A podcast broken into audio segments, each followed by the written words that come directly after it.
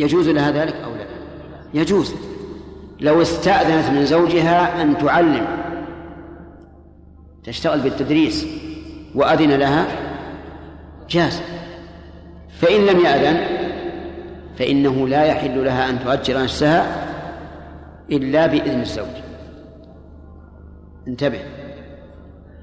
فإن شرط على الزوج عند العقد أنها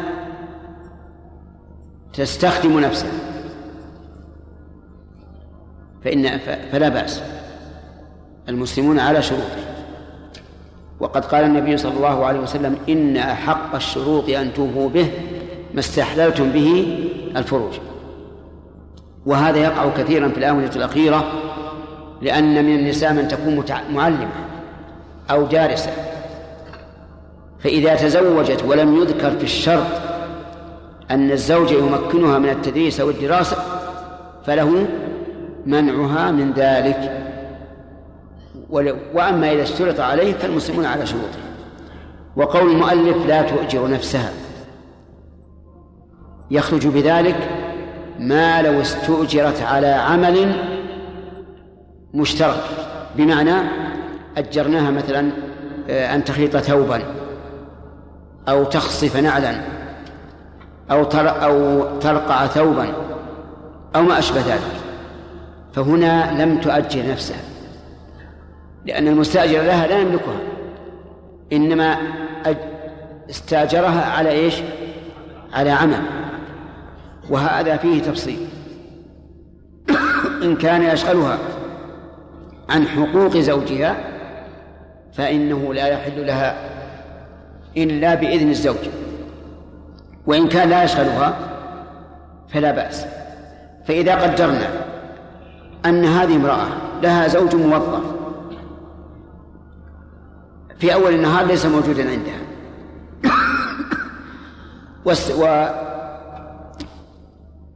واستاجرت لخياطة ثوب تخيطه في وقت غيابه عن البيت دون أن تقصر بأعمال البيت. فهذا جائز. لأنه ليس لأنه ليس على الزوج ضرر في هذا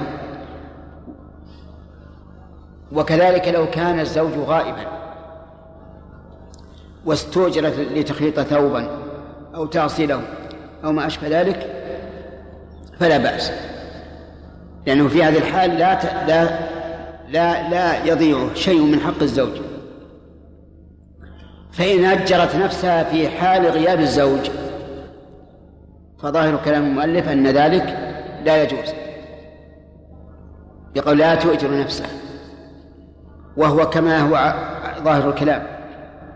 لا يجوز لأنه قد لا يرضى الزوج أن تخرج من بيته وإن كان غائبا. فلا تؤجر نفسها مطلقا إلا بإذن الزوج. أما استئجارها على عمل فقد عرفتم أن في ذلك تفصيلا وهو أنه إذا كان لا يضيع به حق الزوج أتم. فلا بأس فهو صحيح. فالإجارة الصحيحة وإن كان يضيع به حق الزوج فلا بد من إذنه. ثم قال المؤلف رحمه الله فصل ويشترط في العين المؤجرة معرفة معرفتها برؤية أو صفة. هذه من شروط تأجير العين. لا بد أن يكون أن تكون معروفة برؤية.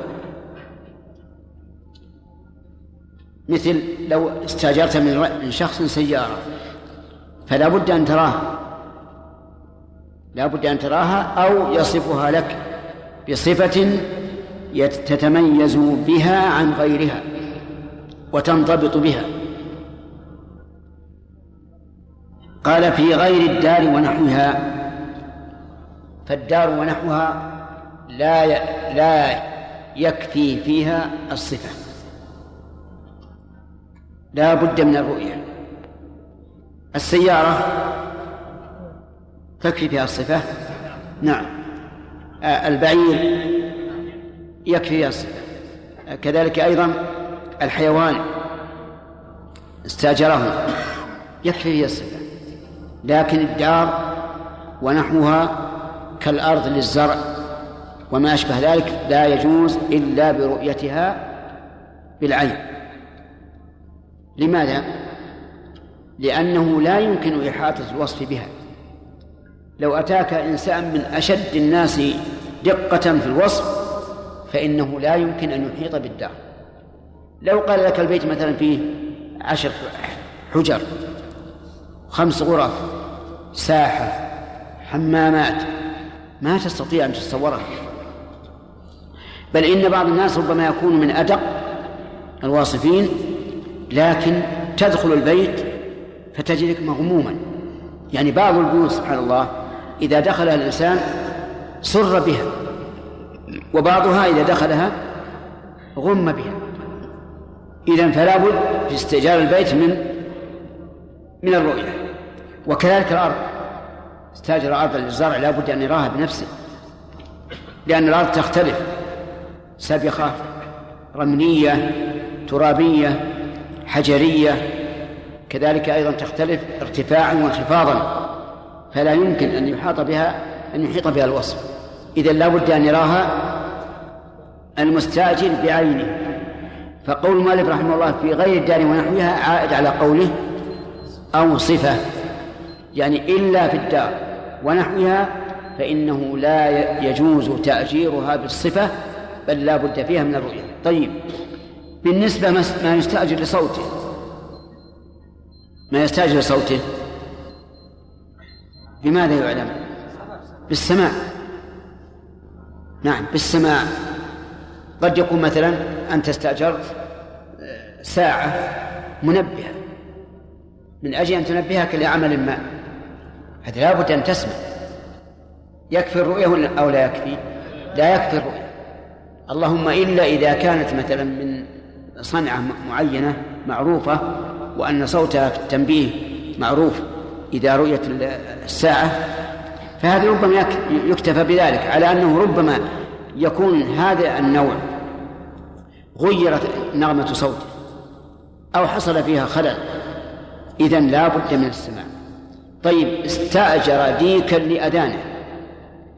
لا بد يسمع أذان ديك؟ نعم. لا ما هو معروف. لا لا.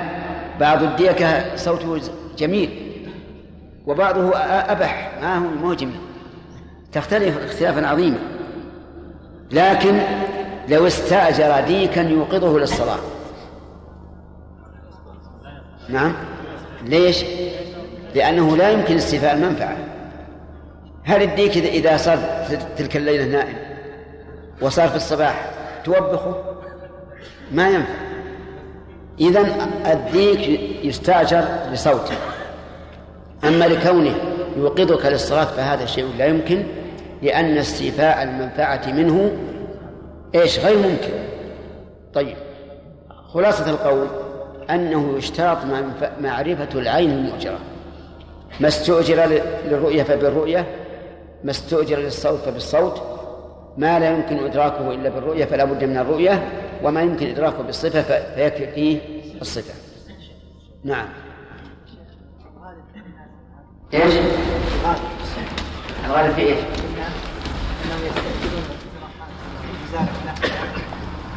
عن تبع لا نعم هذا يسأل يقول بعض الناس الآن يستأجرون الأحواش والاستراحات للترفيه عن النفس. ويكون ويكون فيها من جمل الترفيه الدشوش. إذا علمنا أنهم سوف يجعلون من ضمن الترفيه الدشوش ما يجوز نأجلهم. لكن لو استأجر أجرناهم على أنهم إنما يريد كما قلت الترويح عن النفس ثم هم أتوا به وأنا لا أعلم ولم يغلب على ظني حين العقد فلا بأس. إيش؟ البيت لابد أن يراه. نعم. إذا كانت مثلا في بيوت الان جاهزه يعني يقول له مثل بيت فلان بالضبط. اي في بيت جاهزه الان ما تتغير. اي ما تكون في هذا السؤال. لو أنه قال الذي استأجر الذي أجر البيت أنا أجرك البيت وهو مثل بيت فلان. انظر إليه هو هو. كأنه نسخة منه. يكفي؟ نعم.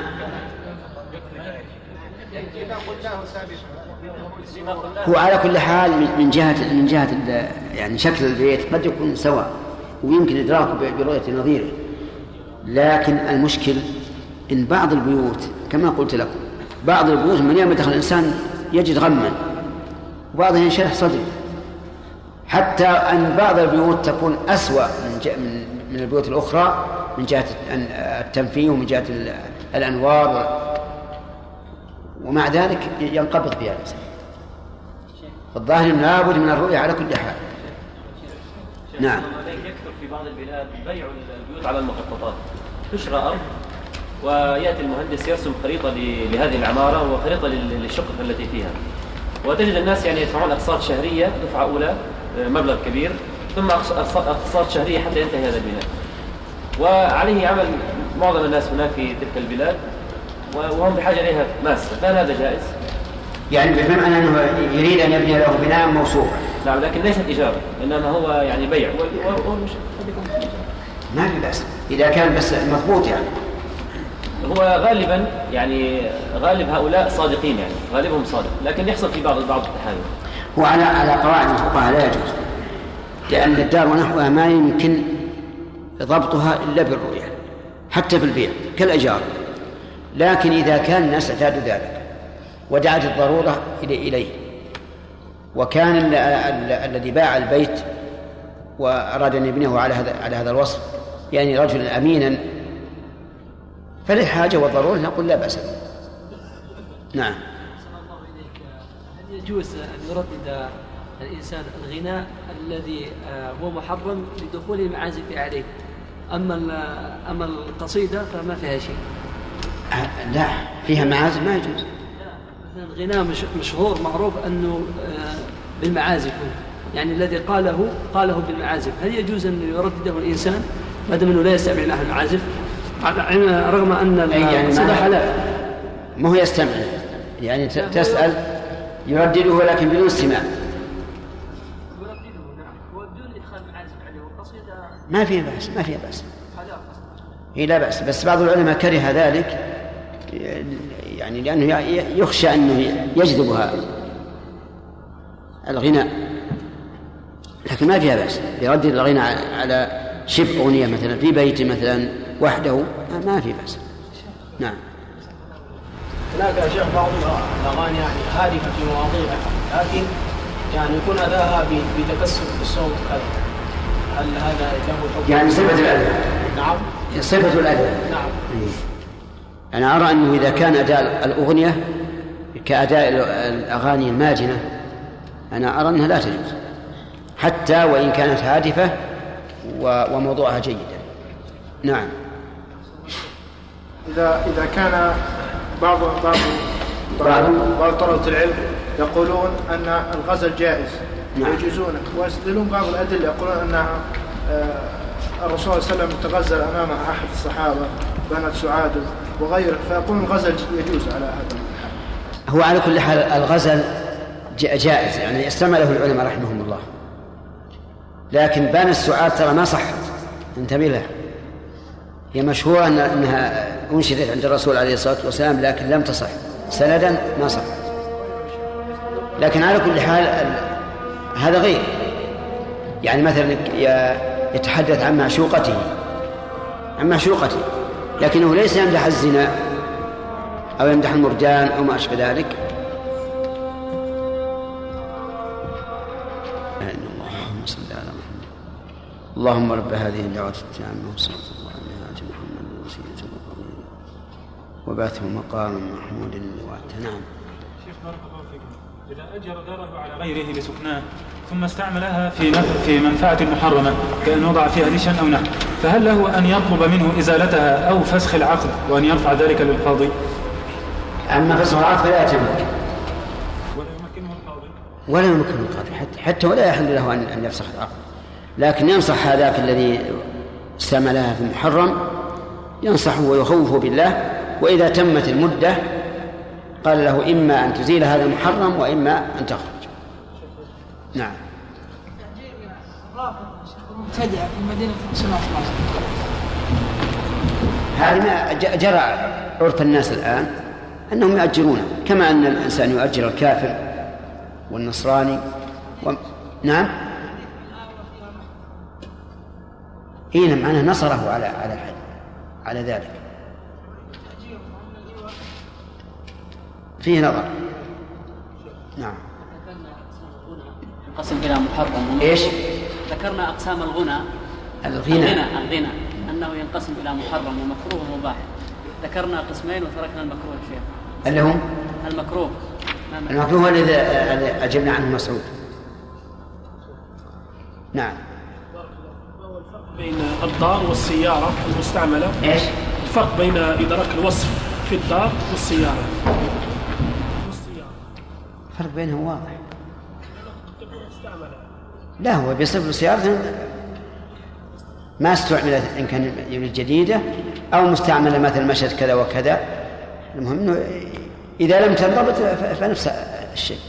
لكن الغالب أن السيارة كالإناء تنضبط. والبيت الدار ليس أن الإنسان لا يحيط بها وصفا قد يحيط بها وصفا لكن نفس الدار ينشرح الصدر إذا دخل الإنسان وبعض يضيق صدره. نعم.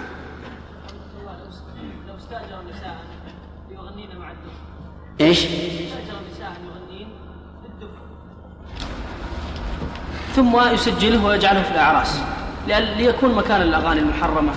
فهل يقال أن ما دام الشرع جاز الدف في الزواج أو يقال أن التسجيل يختلف؟ لا هذا لا بأس به. يعني آه، أستاذ النساء ي- يدففن من أجل أن نكون بدل عن اجتماع النساء و... ويسجل شيخ تسجيل. أي نعم نعم. هو الآن مستعمل هذا هذا اللي تقول. ما فيها شيء. نعم. آدم؟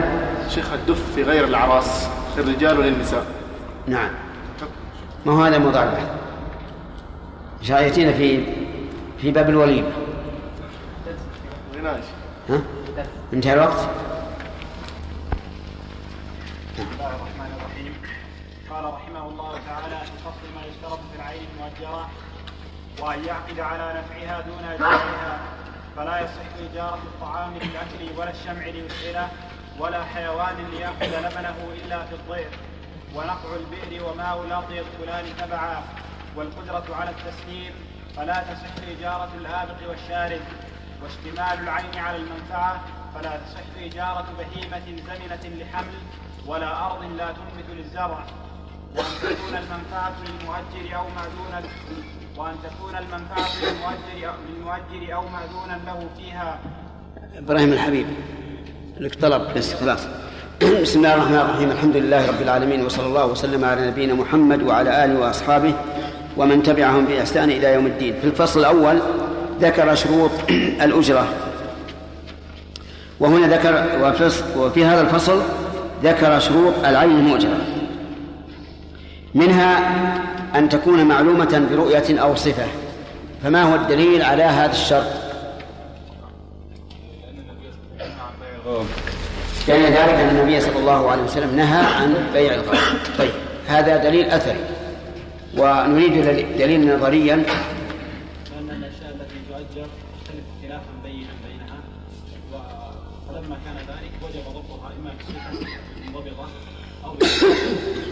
لأن الجهالة تؤدي إلى النزاع والخصام وهذا يثمر العداوة والبغضاء بين المسلمين وهذا مما تحاربه الشريعة الإسلامية. طيب هذا الدليل النظري ما هي ما ما هي العين التي لا يصح أن تؤجر بالصفة نعم.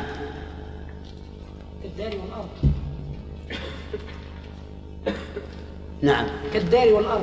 لماذا؟ يمكن وصف أن توصف بالوصف أو يعني لا يمكن انضباطها بالوصف. صح؟ طيب. هذا هو وهذا هو الذي ذكره الفقهاء رحمهم الله. لكن في قول ثاني أنه يجوز الإجارة وله الخيار إذا رآها يعني يجوز أن تؤجر بالصفة يقول أنا أجرتك مثلا شق شقة صفته كذا وكذا تدخل مع الباب على يمينك المجلس وعلى يسارك المأكل. وأمامك مثلا الباب اللي يدخل على البيت وما أشبه ذلك. المهم يصفها له تماما ولو على الخارق. وله الخيار إذا إذا رآها وله الخيار إذا رآها فإذا قال قائل إذا كان كذلك فلماذا لا يصبر حتى يراها لماذا لا يصبر حتى يراها نقول الفائدة من قول إننا إنها تصح وله الخيار إذا رآها أنه لو جاء أحد آخر فاستأجر من المؤجر من صاحب الشقة وقلنا إن الإجارة الصحيحة فهل يملك الثاني أن يستأجر؟ لماذا؟ لأنها مؤجرة. وعلى القول بأنها لا تصح له أن يؤجره. هذا هو الفائدة. وإلا لو قال قائل آه، ننتظر حتى حتى يراه. نقول ربما يكون الناس يعني عندهم إقبال شديد على آه، البيوت والشقق نعم. فهذا الرجل بادر على طول واستاجر بالوصف. إذا قلنا الإجارة الصحيحة وله الخيار صار بمجرد العقد تكون منفعة لمن؟ للمستأجر. للمستأجر. فلا يملك صاحب البيت أو الشقة لا يملك أن يجرى وعلى القول بأن الإجارة لا تصح إيش؟ له هو هو بالخيار. هذه من جهة. من جهة أخرى من الناحية الحكمية. كل عقد غير صحيح فهو حرام. كل عقد غير صحيح فإنه حرام. لأنه ليس في كتاب الله. وكل شرط ليس في كتاب الله فهو باطل وهذه قاعدة عرفوها جميع العقود الفاسدة والشروط الفاسدة عقدها حرام واشتراطها حرام لأنه من المضادة لله عز وجل. فإذا قلنا بأنه يصح العقد ولو الخيار إذا رآها صار العقد حلالا. وإذا وإذا قلنا لا يصح العقد صار العقد حراما وصار كل من المستأجر والمؤجر آثمين لأنهما فعلا حراما أفهمتم الآن؟ أيهما المذهب؟ أنه لا يصح أو يصح ولو الخيار الأول الأول أنه لا يصح مطلقا وعلى هذا فيحرم تعاطي هذا العقد ويجب عليه ما إذا رآها وقنع بها أن يعيد العقد طيب في أيضا الشرط الثاني أن يعقد على نفعها دون أجزائها أن يعقد من؟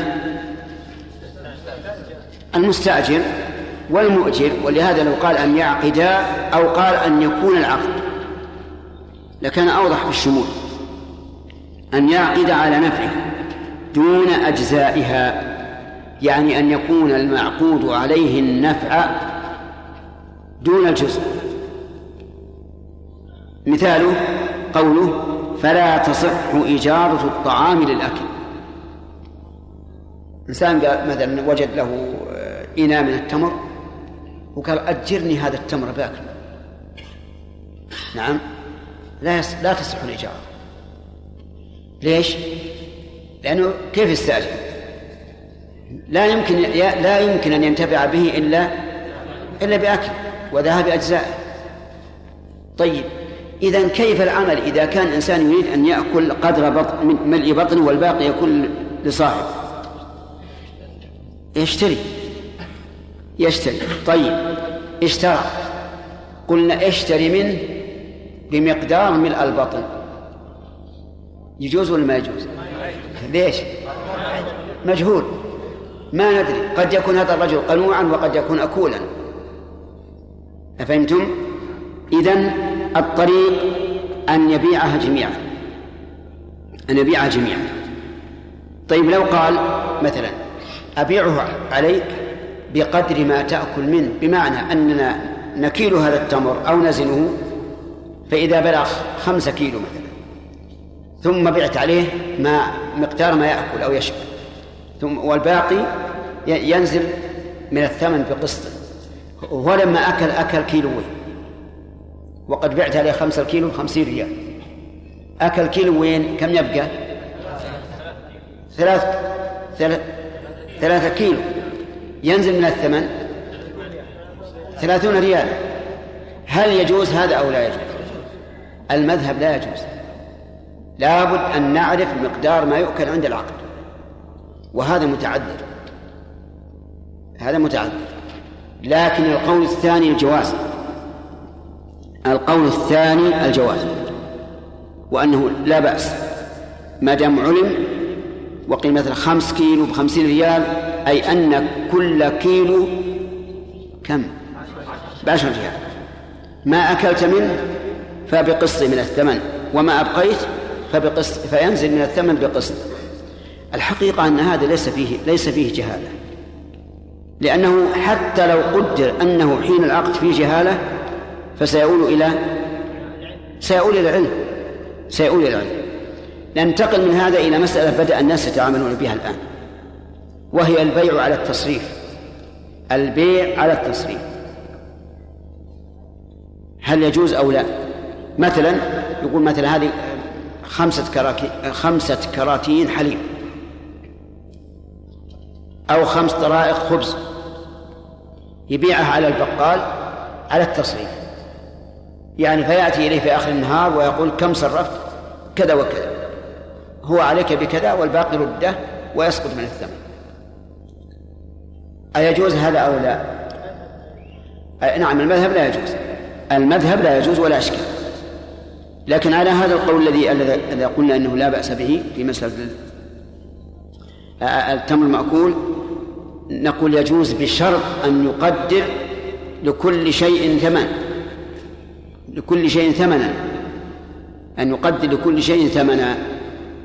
أما أن يقول على ما ما تصرف وهو لم يقل مثلا كل آه، كرتون بكذا أو كل طريقة من من الطرائق الخبز بكذا فهذا يؤدي إلى الجهالة. ولا ندري. وعليه فنقول في مسألة التصريف له طريقان. إما أن يوكله يعني الذي أتى بالخبز أو أتى باللبن أو ما أشبه ذلك يوكل البقال فيقول خذ هذا بعه ولك على كل صندوق أو على كل كرتون كذا وكذا. جائز هذا ولا غير جائز؟ هذا جائز قولا واحدا لأنه توكيل بعوض ما في إشكال. أو يقول على القول الراجح هذه مثل عشر صناديق هي عليك بمئة كل صندوق بعشر. وما وما لم تصرفه يرد بقسطه من الثمن. فهذا أيضا فهذا نرى أنه جائز. لأنه لا ليس على أحد الطرفين ضرر وليس فيه ظلم. وصاحب اللبن مستعد لقبول ما ما تبقى ولا بأس. ومثل الظاهر الصحف والجرائد الظاهر على على هذا. على طيب. إذا المهم أن نحدد مقدار ثمن كل واحد وحينئذ يكون صحيحا طيب إذا الطعام للأكل لا تصح إجارته لكن يصح إيش؟ بيعه.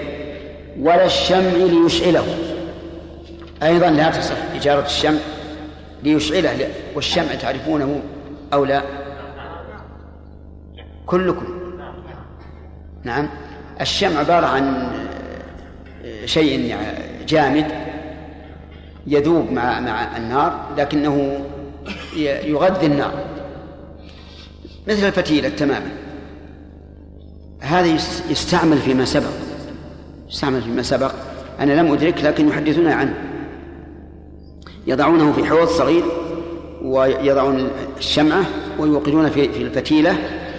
ثم تبدأ الفتيلة تضيء والشمع يذوب.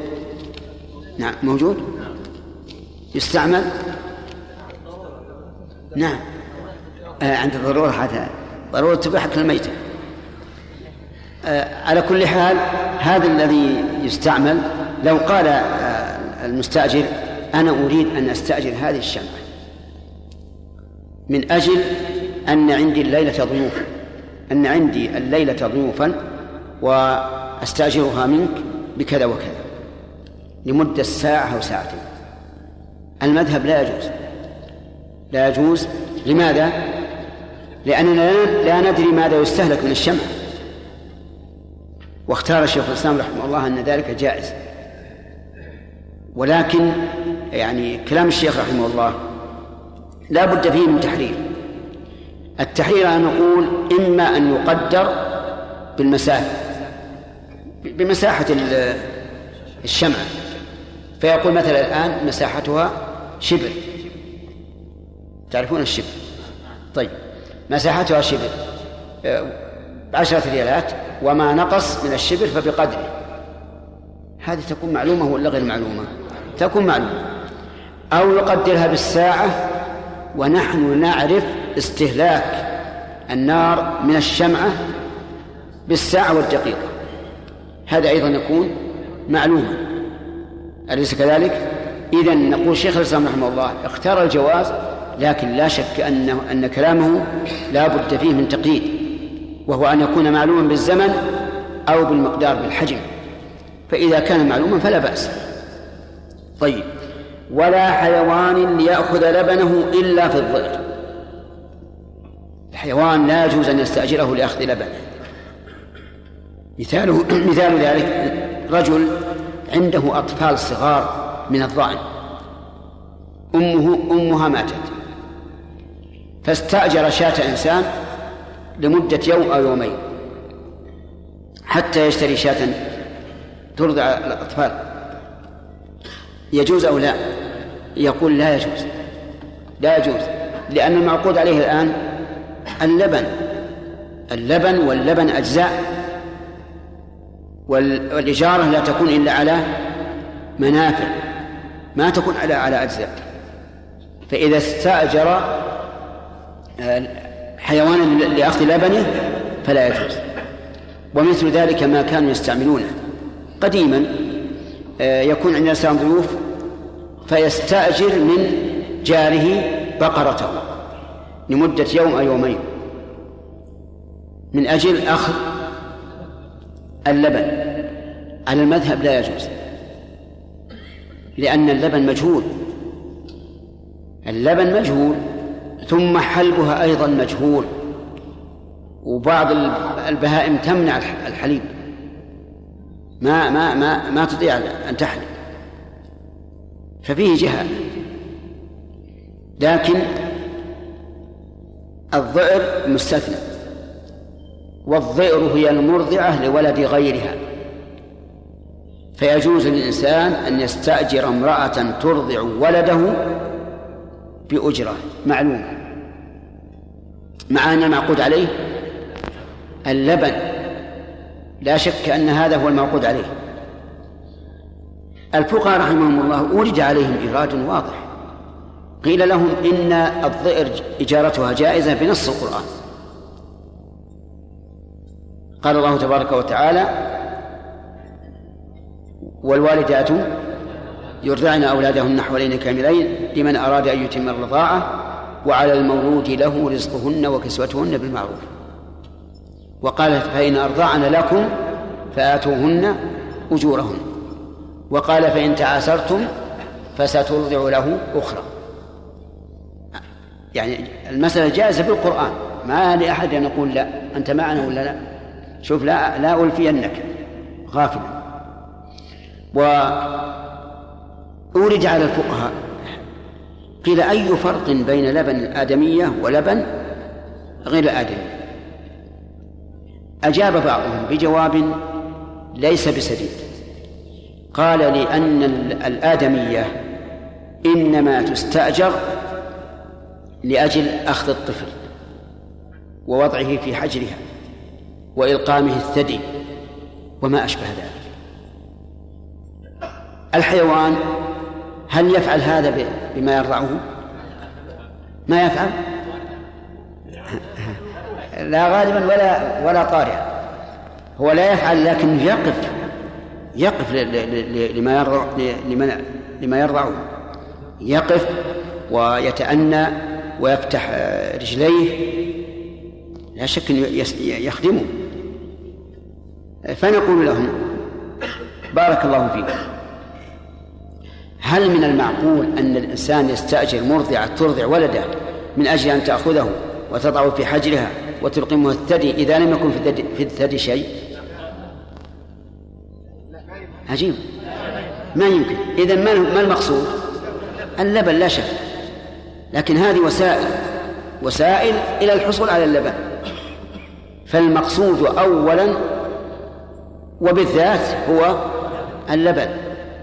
إذا يجب أن وما دمنا قياسيين يجب أن نقول إن استئجار الحيوان لأخذ لبنه جائز بالقياس على على الظهر.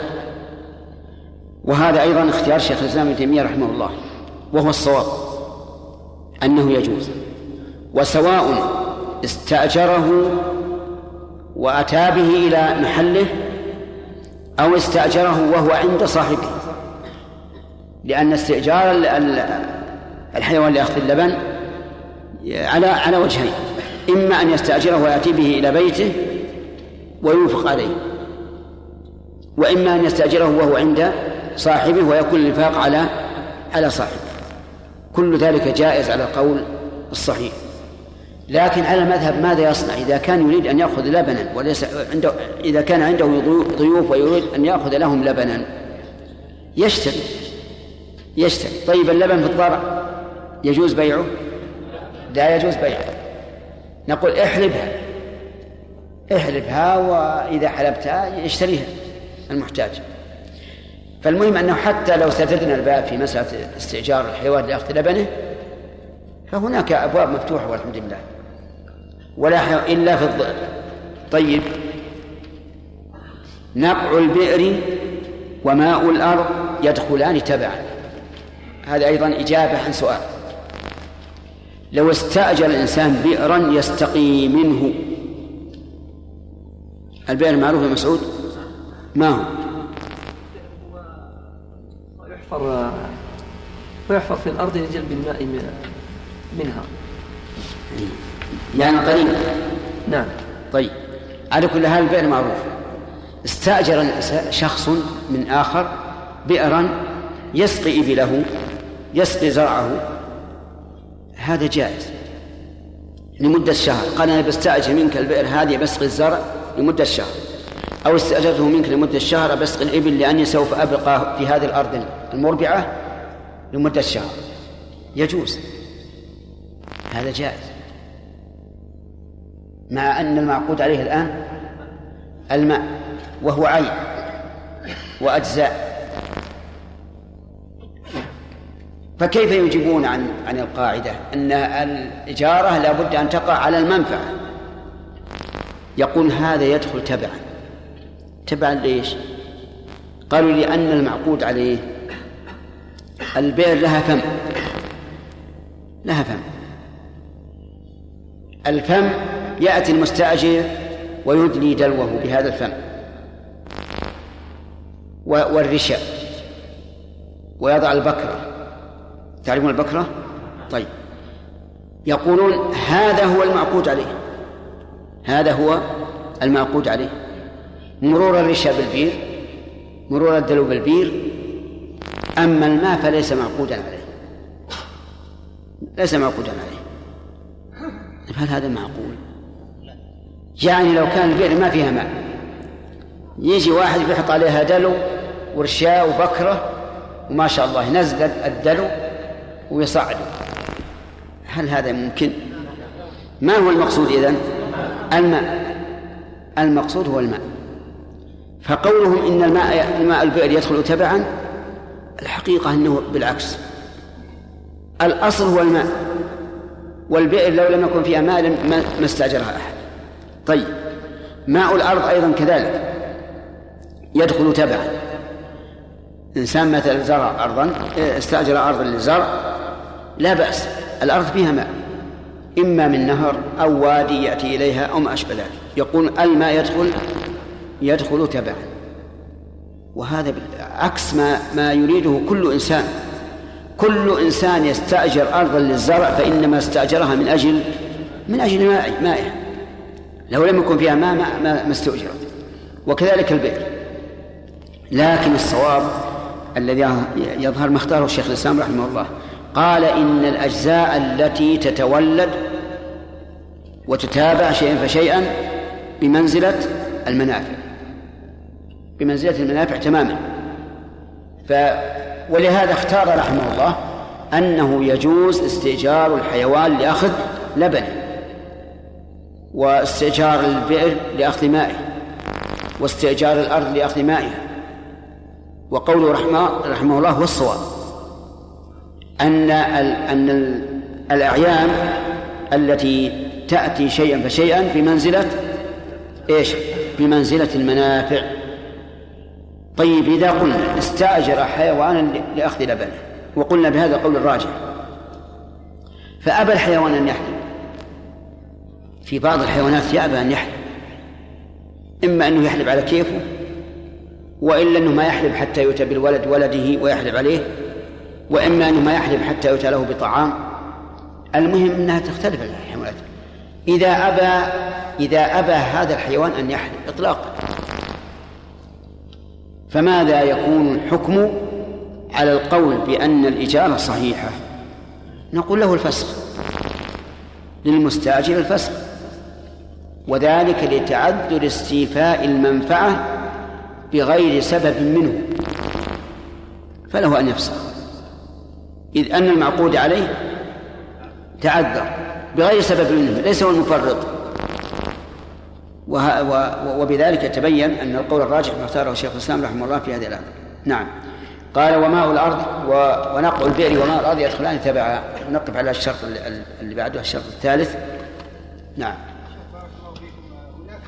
يعني محلات واقعة الآن تبيع الأطعمة وتش يعني تقول مثلا تدفع مبلغ مثلا 20 ريال والأكل حتى الشبع أي نعم.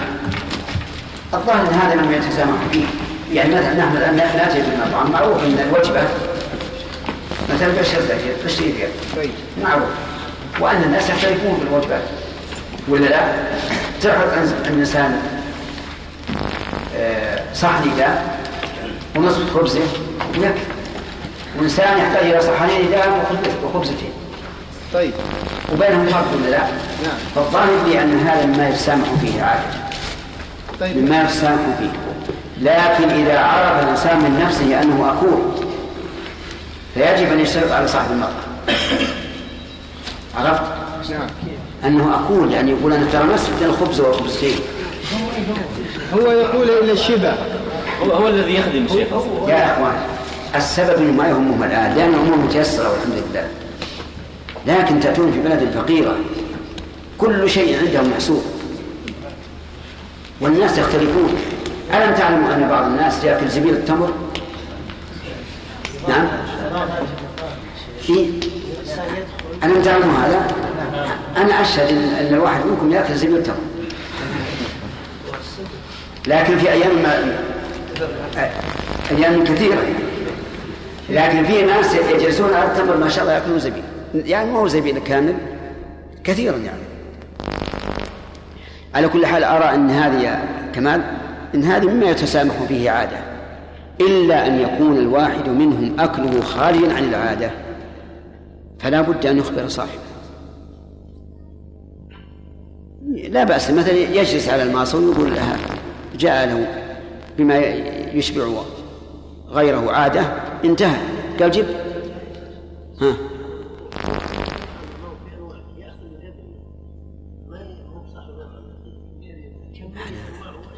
أنا ما أعرف هذا. أنا أعرف أنك في المطاعم تجلس على الماس وتقول أعطنا كذا أعطنا كذا. ها. ها.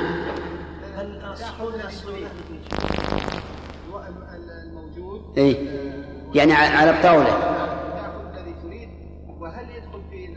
طيب آخر اللي أريد افرض مثلا أن فيه الصحن بيض قيمته خمس ريالات وفيه الصحن بصل قيمته ريال كل واحد عندهم؟ اي هذا اللي أسأل عنه. اي هو واحد يأكل ما قيمته ريال والثاني يأكل ما قيمته 70 ريال وكلهم يدفعون. والله ما أدري يعني. نعم. إي. تحتاج إلى نظر أما الفرق اليسير لا بأس به مما يتسامح فيه عادة. أما الفرق الكثير فيحتاج إلى نظر في الواقع. نعم. نعم. ويأخذونها بالليل إذا ما بيعت. فيأتي فيحطها صاحب البقالة في الخارج يعرضها للبيع. فيأتي بعض الناس ويفتح ويقرأ خذ الجريدة ثم يردها ويمشي. فحكم هذا الفعل. صحيح صحيح. ما دام صاحب ما دام صاحب المكان ما منع ما قال لا أسمح لأحد أن يراجع وينصرف يعني هو الذي سلط الناس على ماله؟ له أن يردها في المساء؟ ها؟ له أن يردها إي نعم إيه، له أن يردها في المساء إي نعم. ما دام ما دام هكذا قيل نعم.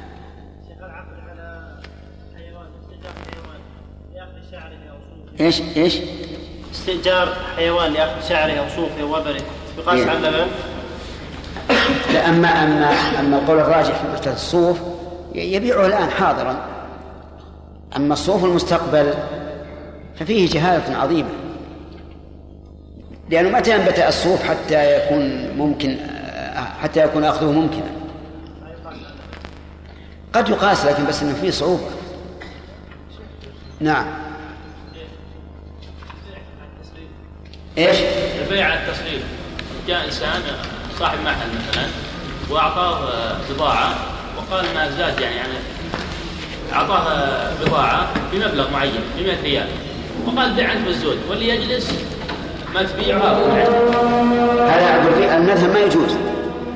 المذهب أن هذا حرام والراجح إذا عين الثمن لكل كرتون فلا بأس لأن النهاية بيكون معلوم. ها؟ لكن يعين لكل واحد لكل كرتون ثمن معينة.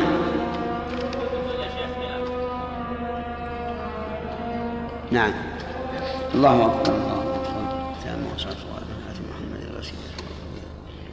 وبعثه مقاما محمودا الذي وعدته إنك لا تخلف نعم.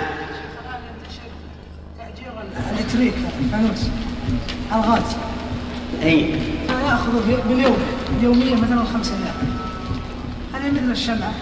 أي نعم. والصحيح أنه جائز. يعني يختلف الاستخدام. ربما يستخدمه استخدام. ما يخالف على كل أنا عارف اني, إني أنا يعني متواطي على أنه كل اليوم شغل ما يخالف. أنا أنا راضي. يعني مثلا اللي أعطاه التريك معبيه تعبئه مال مالية يعني يقول أنا لو كل ما يهم. نعم. نعم. وهنا بالإطلاق. أي نعم. هنا لأن التقييد صعب. كيف تقيد؟ لأن الشمعة مشاهد اللي يتلف منها. اما هذا صعب. إذا أمكن تقييده هو أحسن لا شك. الاطلاق الإطلاق بالشمعة ليس أولى يعني. كونه مغتفر يصير مو على كل أنا قلت لكم قبل قليل. ما دام الناس في سعه كل شيء عندهم هين لكن يأتي زمن القرش يسوى ريال أو أو أكثر من ريال. نعم. بيع التصريف. ما يتحقق بيع ما لا يضمن أو بيع ما لا يملك إيش؟ بيع التصريف. بايش؟ بيع التصريف. لا لا لأن البائع يملك. البائع هو اللي جاب لك البضاعة. الزائد يعني معناه إنه ما ما وقع عليه البيع. والضمان على من؟ الضمان على على المشتري. يعني لو تلف هذا فالضمان على المشتري يعني لو فرض احترق أو سرق فالضمان عليه. نعم. ما حكم قول بعض العمال البارعين في صنعة الماء؟ أنا أصلح لك هذه الآلة مثلا ب 120 إن خرج فيها سلك أوصلته ب 120 وإن خرج فيها خراب عظيم ب 120 ويعتمد في ذلك على يقول هذه شو كيف؟ يعني بعض الأجهزة يكون مغلقا مغلقا يعني نعم بالصواميل وكذا يعني ليس بظاهر عيبه ما سبب العقل ليس بظاهر. فيقول أنا أصلح يعني نفرض انها أنها آلة تصوير؟ مثلا آلة تصوير أو مسجل طيب. يقول أنا قبل أن أفتحه. أفتحه وأصلحه له. نعم. بكل حال إن كان فيه سلك إيه. فأصلح أن يصلحه ب 120 وإن كان فيه مطور أو محول خارج هذا مجهول. هذا ظاهر الجهاله قد يحتاج إلى قطع غيار أيضا. نعم. إحنا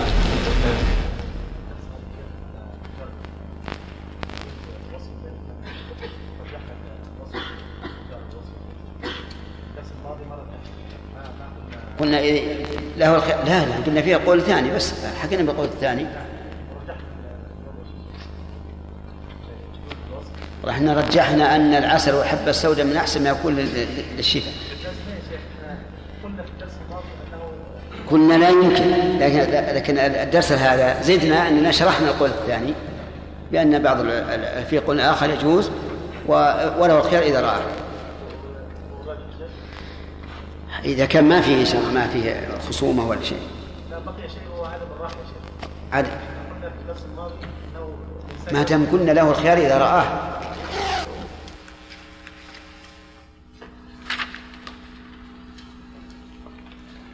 طيب. لبن الضعر ها؟ استثنوا من ذلك لبن الضعر الضعر وش الضعر؟ هي المرضعة التي يستأجرها الرجل لإرضاع مثلا المرضعة المستأجرة للإرضاع. المرضعة المستأجرة للإرضاع. طيب. ما وجه الاستثناء؟ قالوا بأن المرضعة استثنيت لأنه جاء القرآن الكريم التنصيص على جواز إجارتها.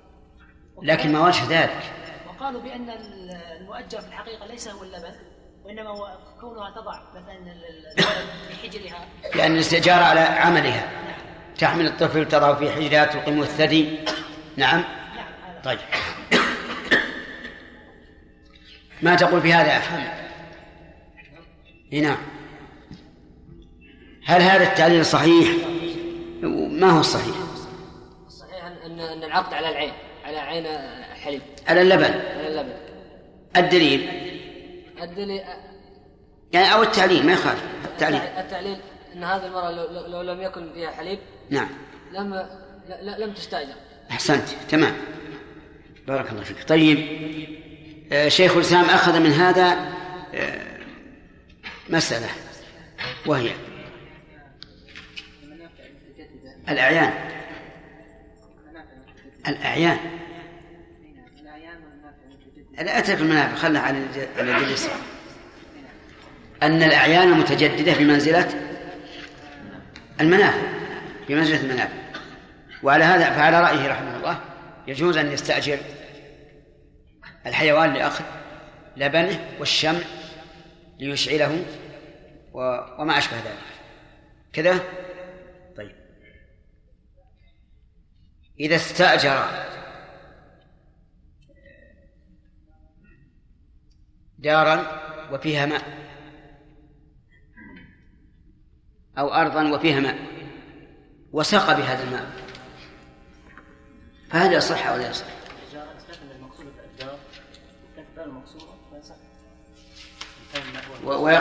ويدخل الماء تبعا. طيب. نقل ب... نعم. يدخل تبعا. طيب. أما على اختيار الشيخ الإسلام المسألة واضحة. مبنية على أن الأعيان المتجددة بمنزلة المنافع ولا حاجة إلى أن نقول يستثنى أو لا يستثنى. ثم قال المؤلف والقدرة على التسليم.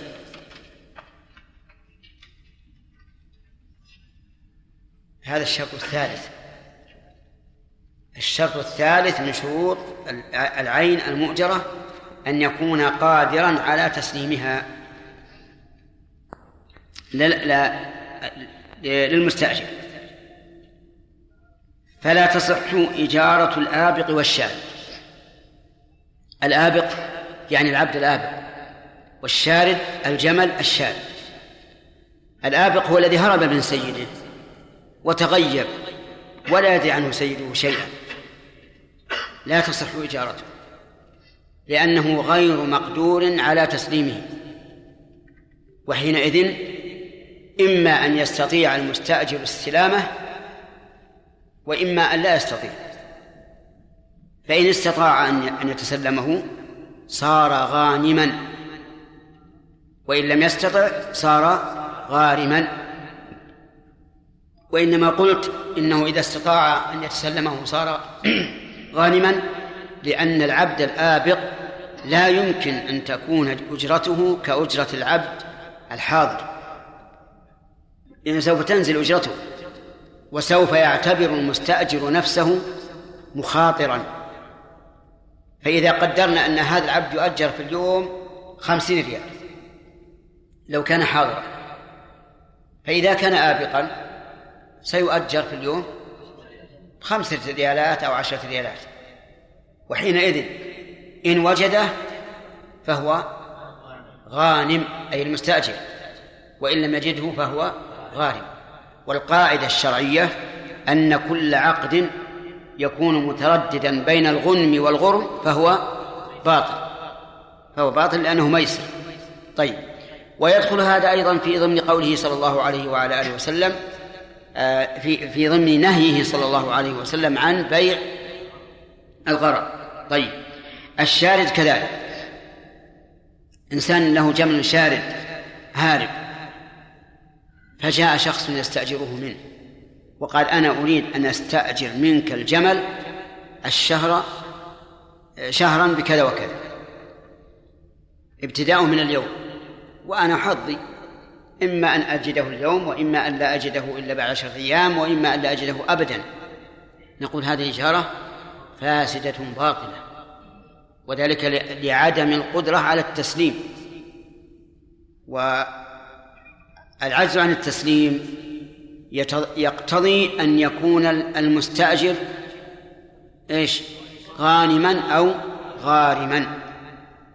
طيب. الشرط الرابع اشتمال العين على المنفعة. لا لا شك أن هذا شرط مهم. اشتمال العين على المنفعة لأن المعقود عليه في الإجارة هو المنفعة فلا بد أن تكون العين مشتملة على هذه المنفعة. فإن لم تكن مشتملة على هذه المنفعة صار هذا من باب إضاعة المال الذي لا فائدة فيه. ولهذا قال فلا تصح إجارة بهيمة زمنة لحمل. الزمنة هي التي لا تستطيع المشي. فلو أتى إنسان ليستأجرها ليحمل عليها قلنا هذه الإجارة غير صحيحة. لأنها واردة على إيش؟ ما على لا شيء. هي مستأجرة للحمل عليها وهي الآن لا تستطيع أن تمشي. كيف يحمل عليها؟ فتكون الإجارة غير صحيحة باطلة. فإذا قال المستأجر أنا أريد أن أنفع صاحبها وأجبر قلبه لأن لأن بهيمته شلت وانكسر قلبه وكان يأخذ عليها كل يوم عشرة ريالات. يؤجرها والآن شلت ما تستطيع أن تعمل. وأنا أحب أن أجبر قلبه وأقول أستأجرها منك عشرة أيام كل يوم بعشرة ريالات. وش المانع؟ نقول إذا كنت تريد, تريد أن تجبر قلبه فاجبر قلبه بالهبة. أعطه مالا يكفي وخل ناقته عنده.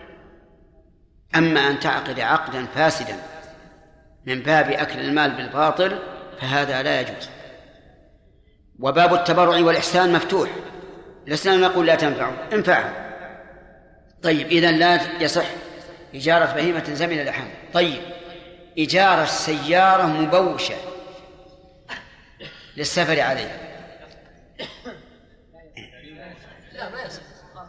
طيب لا المبوشة معناها الماكينة خربانة مرة.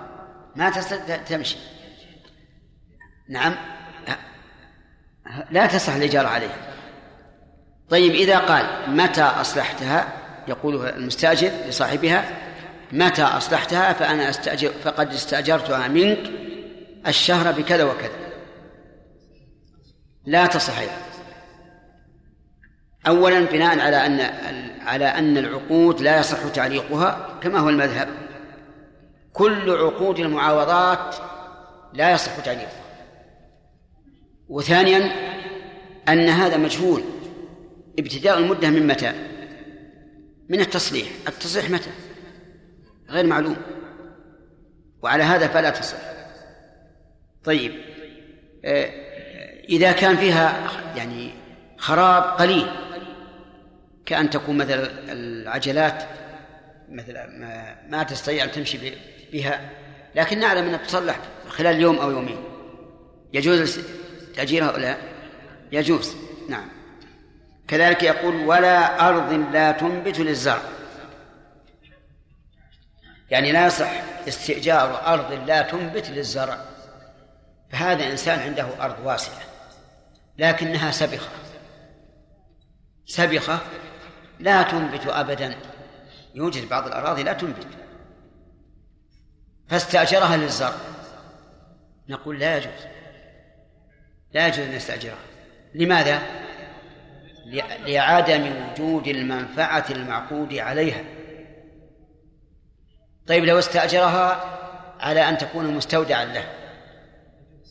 يجوز؟ نعم لأنه يمكن الانتفاع بها. أما إذا استأجرها من أجل أن يصعها فلا يصح لعدم اشتمالها على المنفعة. الشرط الخامس أن تكون المنفعة للمؤجر أو مأذونا له فيها. وهذا يعني أنه يشترط أن يكون مالكا أن يكون مالكا أو قائما مقام المالك. وهذا شرط في جميع العقود. كل العقود لا بد أن يكون العاقد مالكا للعقد عليها إما بملك أو بنيابة عن المالك. كل العقود. دليل ذلك قوله تعالى يا أيها الذين آمنوا لا تأكلوا أموالكم بينكم بالباطل إلا أن تكون تجارة عن تراض منكم. فلا بد أن تكون المنفعة المعقود عليها ملكا للمستأجر أو مأذونا له فيها. للمؤجر نعم. أن تكون منفعته للمؤجر آه، أو مأذونا له فيها. لا بد من هذا. المنفعة للمؤجر مثل شخص وهب وهبت له منفعة هذا العين. هذه العين. قيل يا فلان وهبتك منفعة هذه العين. والعين ليست ملكة ملكا لصاحبها. فأجرها. فالإجارة صحيحة لأنه يملك المنفعة وإن لم يملك العين. وكرجل أوصي له بمنفعة عبد. ليخدمه. وهذا يقع. يكون يكون ملك العبد للسيد لكن أوصى بعد موته لفلان بخدمة هذا العبد. نقول الآن الموصى له مالك للرقبة أو للمنفعة؟ للمنفعة. إذا لا بد أن تكون المنفعة للمؤجر. أو مأذونا له فيها.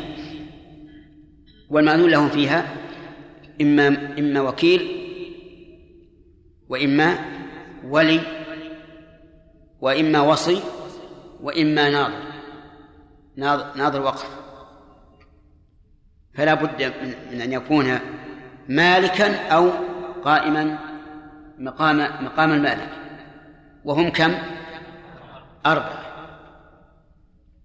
الولي والوصي والوكيل والناظر. طيب فإن آجر فإن آجر ملك غيره فإنه لا يصح لا تصح الأجرة فإن وافق على ذلك عن صاحب العين وافق. فالمذهب لا يصح بناء على أنه لا يصح تصرف الفضول. والقول الثاني يصح وهذا القول هو الراجح. فلو أن شخصا عنده علم بأن صاحبه يريد أن يؤجر بيته. يعني صاحب البيت يريد أن يؤجره. وجاءت جاءوا ناس يريدون أن يستأجروه وصاحبه غير موجود. رب البيت غير موجود. ولكن صاحب رب البيت موجود فأجر هؤلاء. ثم وافق المالك على ذلك. فالصحيح أن الأجرة صحيحة. لأن أصل منع أو أصل منع منع نفوذ العقد في مملوك الغير لحق الغير. فإذا وافق فقد أسقط حقه. طيب يقول أو مأذونا له فيها وتجوز.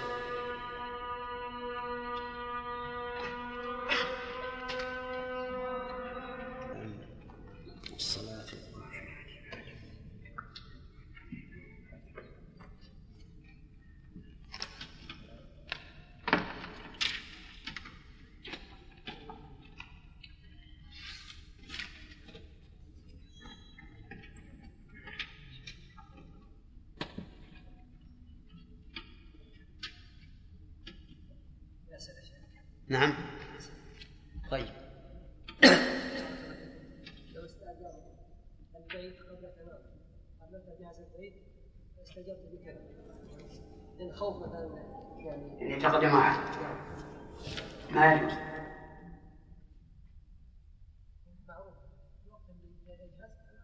نعم لأنه ما يدري متى يشاء هذه واحد الشيء الثاني إذا لم يتم البناء قد يكون نواقص يريدها المستأجر ولكنها ما ما وجدت. نعم. وقت حاجة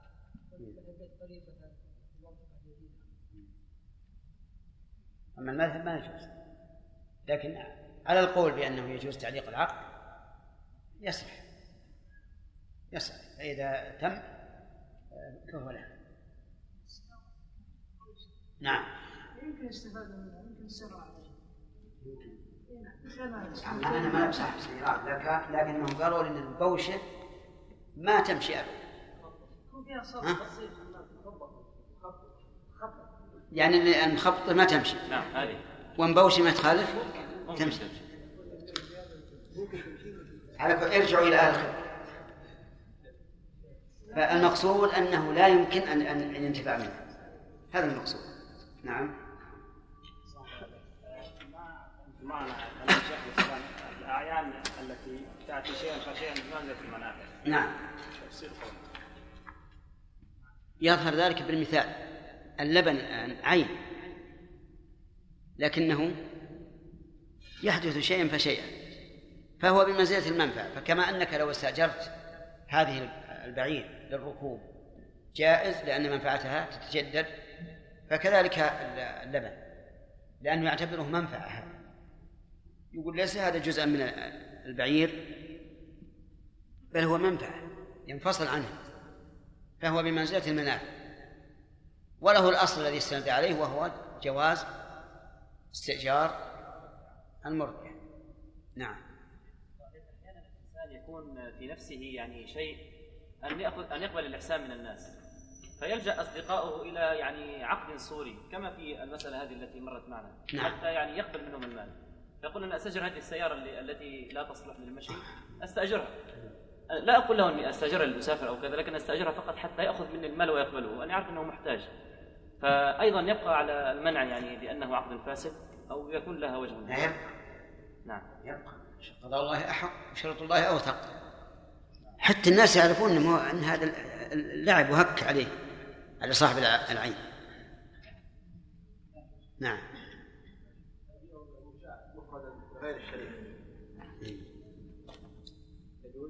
من أين أتتك هذه العبارة؟ من الروض. إحنا إحنا نقرأ في الزاد. نعم. طيب. إجارة المشاع لغير شريكه. إذا أمكن الانتفاع فلا بأس وإذا لم يمكن فلا يجوز. والانتفاع فيما نرى ممكن. نعم لكن يمكن تأجيره. يمكن تأجيره. انتهى؟ نعم ها؟ وتجوز إجارة العين لمن يقوم مقامه لا بأكثر منه ضررا. وتصح إجارة الوقت فإن مات المؤجر وانتقل إلى من بعده لم تنفسخ وللثاني حصته من الأجرة. وإن آجر الدار ونحوها مدة ولو طويلة يغلب على الظن بقاء العين فيها صح.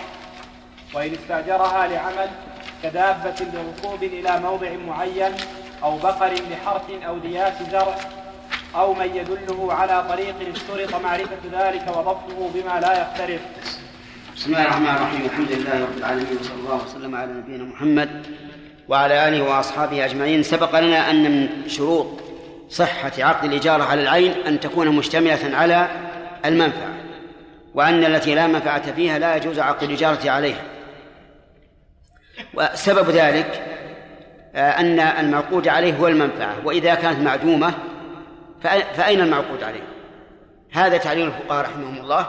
ولنا أن نعلل بدليل وهو نهي النبي صلى الله عليه وسلم عن إضاعة المال. عن إضاعة المال. وهذا إضاعة مال بالنسبة للمستأجر. فإذا قال إني أريد أن أنفعه فقد علمتم الجواب فيما سبق. أننا نقول انفعه بما شئت لكن لا تجعل على عقد على صفة عقد محرم لأن جميع العقود المحرمة والشروط المحرمة كلها آه، كلها باطلة حرام. قال المؤلف رحمه الله تعالى من شروط صحة إجارة العين. يقول و وأن تكون المنفعة للمؤجر أو مأذونا له فيها. يا أيوب لا تخط ولو كان. خليه يبقى إلى آخر الدرس. أن تكون المنفعة للمؤجر أو مأذونا له فيها. لم يقل أن تكون العين المؤجر المنفعة للمؤجر أو مأذونا له فيها. وذلك أنه لا يصح تصرف غير المالك فيما لا يملك إلا بإذن من الشرع أو إذن من المالك. لأن هذا اعتداء اعتداء على الغير وقد قال الله تبارك وتعالى ولا تأكلوا أموالكم بينكم بالباطل. وهذا أكل للمال بالباطل. فلا بد أن تكون المنفعة للمؤجر إما بملكه العين. إنسان مثل له دار الدار ملك له عينها أو منفعتها. عينها وتتبعها المنفعة لأن من ملك العين ملك المنفعة. إنسان عنده بعير يملكها فهو مالك أيضا لمنفعتها إذن آه، أن تكون المنفعة للمؤجر إما بملكه العين أو بكونه موصل له فيها موصل له بها. بأن قال الإنسان عند موته أوصيت بمنفعة بيتي هذا لفلان. ومات. فالموصى له يملك المنفعة لكنه لا يملك العلم. فيجوز أن يؤجر المنفعة أو لا؟ يجوز لأنها ملك لأنها ملك. كذلك أيضا من من ملك المنفعة آه، أن يكون شخص اشترى منفعة من آخر كما مر في دار وقد مر علينا هذا في أول كتاب البيع. فله أن يؤجر. والحاصل أنه يشترط أن يكون مالكا للمنفعة سواء كان مالكا للعين أو لا. ومن ذلك أيضا نعم. أو مأذون له فيها. المأذون له بتصرف بتصرف مال الغير أو العبارة أصح المأذون له بالتصرف في ملك الغير. الولي والثاني الوصي والثالث الوكيل والرابع ناظر الوقت.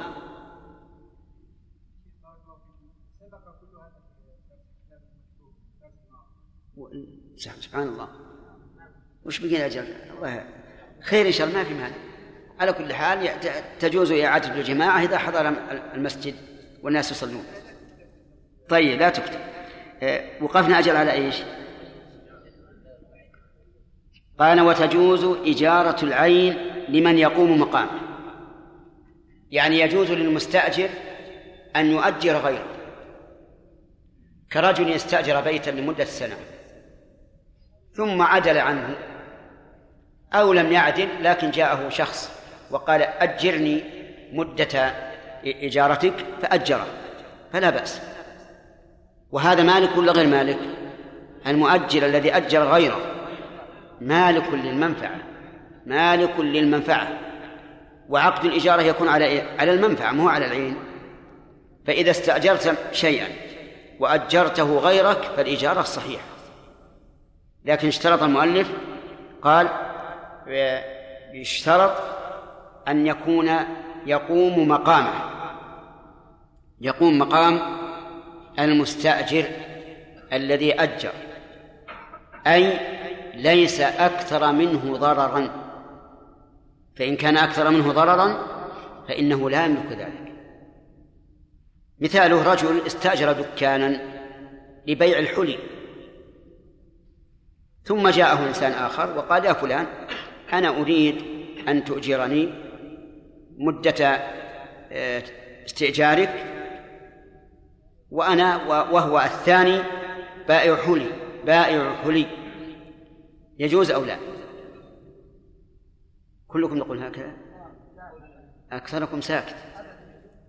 إي أن تقول أبدا يجوز لكن الباقين ساكتين.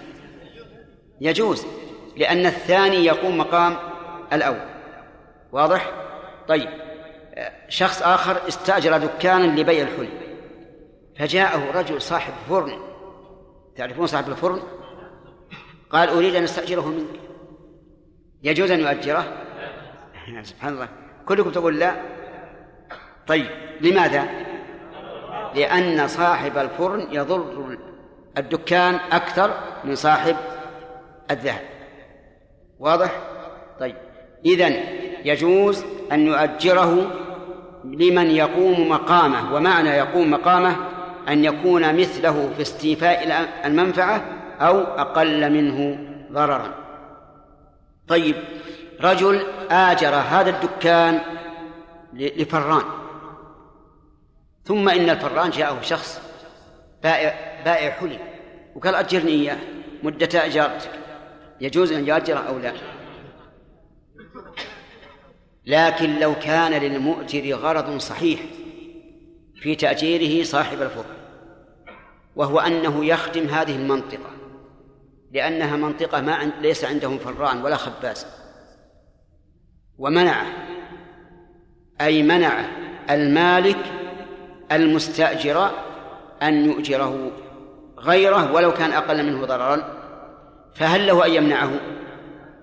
نقول إن شرط عليه ذلك بأن قال لا بد أن تقيم هنا مخبزا فليس له أن يؤجره من لم يخبز فيه وإن كان لم يشترط وقال أنا, هذا غرضي. أنا غرضي أخدم هذا الحي حتى لا يذهبوا إلى بعيد يشترون الخبز.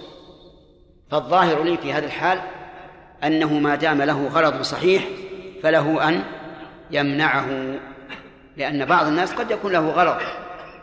أما إذا لم يكن غرض صحيح فإنه إذا أجره لمن هو دونه فلا بأس. واضح؟ طيب. ظاهر كلام المؤلف أنه يجوز أن يؤجره بمثل الأجرة أو أكثر. فهل نأخذ بهذا الظاهر؟ الجواب نعم. فيجوز للمستأجر أن يؤجر بقية مدته لغيره بأكثر من أجرته. وهذا ربما يقع. يستأجر الإنسان إنسان دكانا في بلد فيه مواسم. فيستغله هو في غير وقت الموسم. مثل إيش؟ يعني البلد اللي فيها مواسم. مكة والمدينة. استغله في غير وقت المواسم. ثم جاءه شخص يريد أن يستأجره منه في وقت الموسم بأضعاف الأجرة التي استأجرها التي استأجره بها. أيجوز أم لا؟ نعم يجوز. هذا ظاهر كلام المؤلف لأن المؤلف لم يقل بشرط أن لا يأخذ أكثر من أجرته. وعلى هذا فيجوز للمستأجر أن يؤجر غيره إذا كان يقوم مقامه ولو بأكثر من الأجرة. أفهمتم؟ التعليل قالوا لأنه مالك المنفعة. مالك للمنفعة ملكا تاما. والمالك له أن يتصرف يبيع بكثير يبيع بقليل ما في مانع. واضح؟ وقال بعض العلماء إنه لا يجوز أن يؤجر بأكثر. لا يجوز أن يؤجر بأكثر. واستدلوا لذلك بأن النبي صلى الله عليه وسلم نهى عن ربح ما لم يضمن. والمنافع غير مضمونة. ولهذا لو انهدم الدكان مثلا انفسخت الإجارة. ولم يطالب صاحب الدكان بأن يؤمن له دكانا آخر. فإذا كانت المنافع لا, لا لم تضمن فقد نهى النبي صلى الله عليه وعلى آله وسلم عن ربح ما لم يضمن. والذين قالوا بالجواز أجابوا عن هذا بأنه خاص في البيع. أما الإجارة فلا فلا يدخلها فلا يشملها الحديث. لكن العمل الآن على أي القولين؟ العمل الآن على القول الأول أن المستأجر له أن يؤجر مدة إجارته ولو بأكثر من الأجرة وعليه العمل. وهو فيما يبدو أقرب إلى الصواب من المنع لأن الحديث ليس صريحا في مسألة الإجارة. طيب وتجوز إجارة العين لمن يقوم مقامه؟ طيب في مسألة لو أن الإنسان استؤجر على عمل في الذمة بأن قيل له نريد أن تنظف هذا البيت كل يوم. كل يوم. ولك في الشهر مئة درهم. فاستأجر من ينظف البيت كل يوم على حسب ما حصل عليه العقد لكن بخمسين ريال. يجوز أو لا؟ نعم. نعم يجوز. هذا من جنس ما من جنس ما إذا قلنا أنه يجوز أن يؤجر بقية مدته بأكثر من الأجرة فيجوز. وعلى هذا عمل الناس اليوم. تجد مثلا أن الحكومة تتفق مع شركة على تنظيف المساجد مثلا. كل مسجد الشهر بكذا وكذا. ثم هذه الشركة تأتي بعمال يقومون بما تم عليه العقد. بأقل من ربع ما اتفقت الشركة مع الحكومة. موجود هذا ولا لا؟ موجود. إلا إذا كان الغرض يختلف بالنسبة للمستأجر. إذا كان يختلف فهذا لا يجوز. مثل إنسان استاجرته لينسخ لي زاد المستقبل.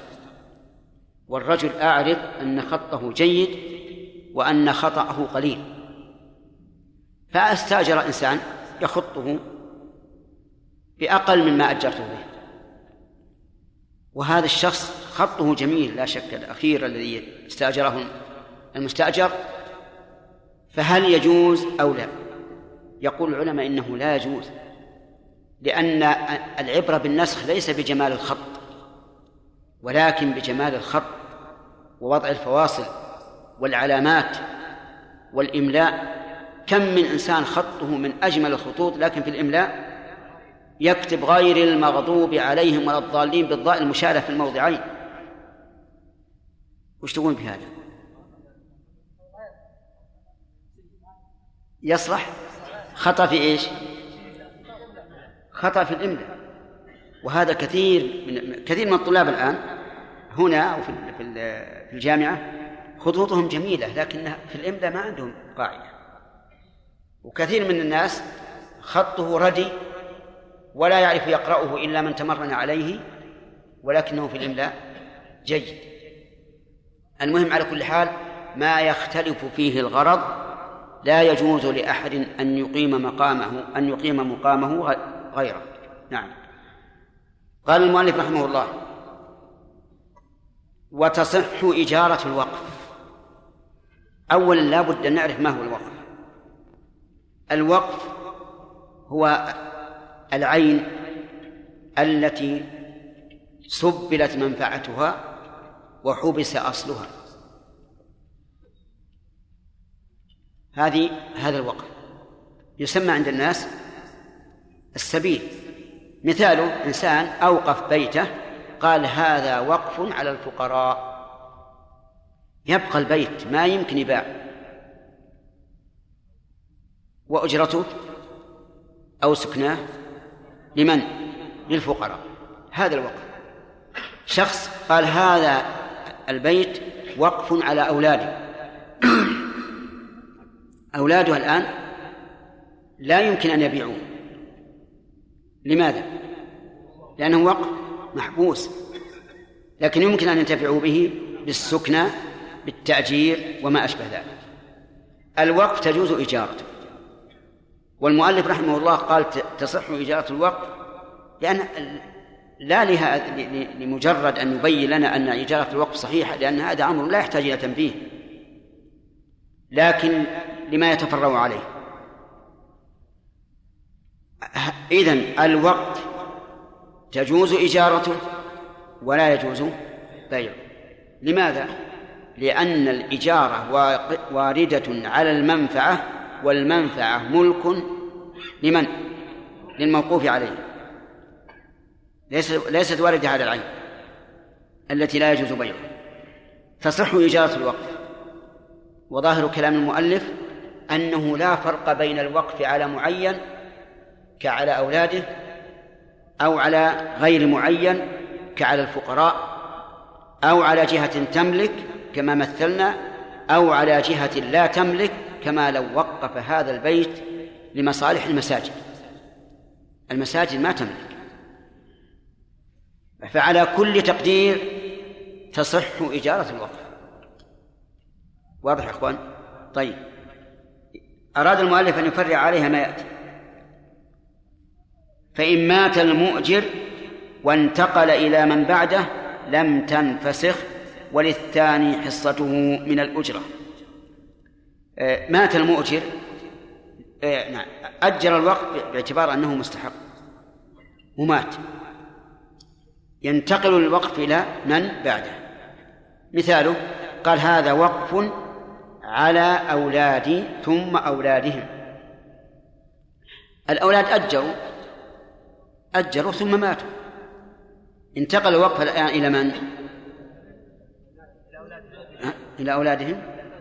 إلى أولادهم. طيب. الآباء أجروا الوقف لمدة عشر سنين. لكن الله تعالى قضى عليهم بالموت في خلال ثمان سنوات. وبقي من المدة سنتان.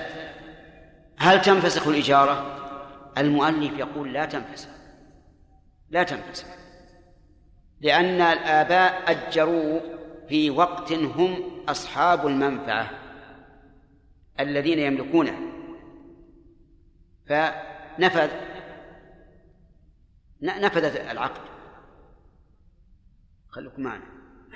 فإذا انتقل إلى من بعدهم انتقل على أنه مؤجر. بقي علينا الأجرة هل تكون جميعها للأولين؟ أو تكون آه، جميعها للأولاد الذين انتقل إليهم الوقت أو كل له بقسطه. استمع. يقول وللثاني حصته من الأجرة. أي نصيب. في المثال الذي ذكرنا مضى من المدة الثمانية من عشرة.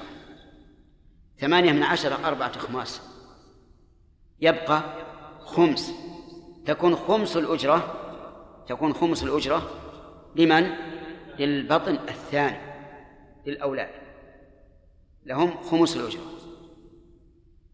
فإذا قدرنا أنهم أجروها بألف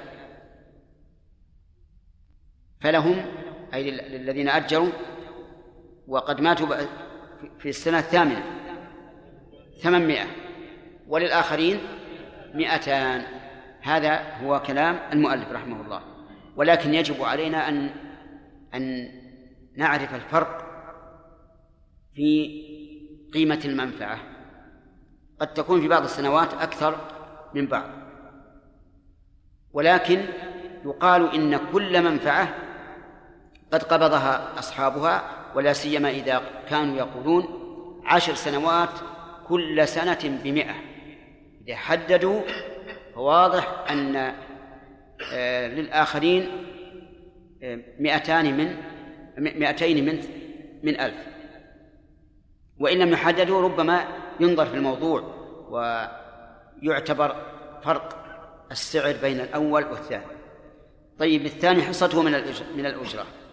هذا ما قرره المؤلف رحمه الله أنها لا تنفسخ. والسبب أو العلة لأن أولئك أجروا في وقت هم مالكون للمنفعة. نعم؟ فكان عقدهم صحيحا.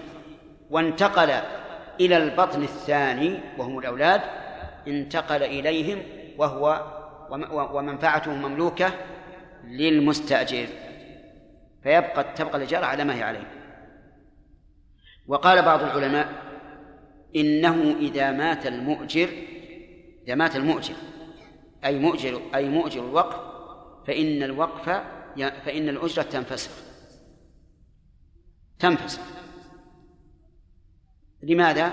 قالوا لأن البطن الثاني يتلقى المنفعة من الواقف لا من البطن الأول.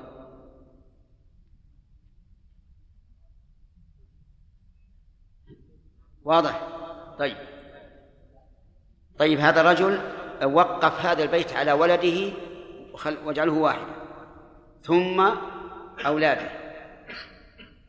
الولد هذا أجر البيت عشر سنوات. ومات حين تم للأجرة خمس سنوات. انتقل الوقف إلى من؟ إلى الولد. طيب الولد خلوه واحد خلوه واحد عشان ما تشتت علينا المسألة.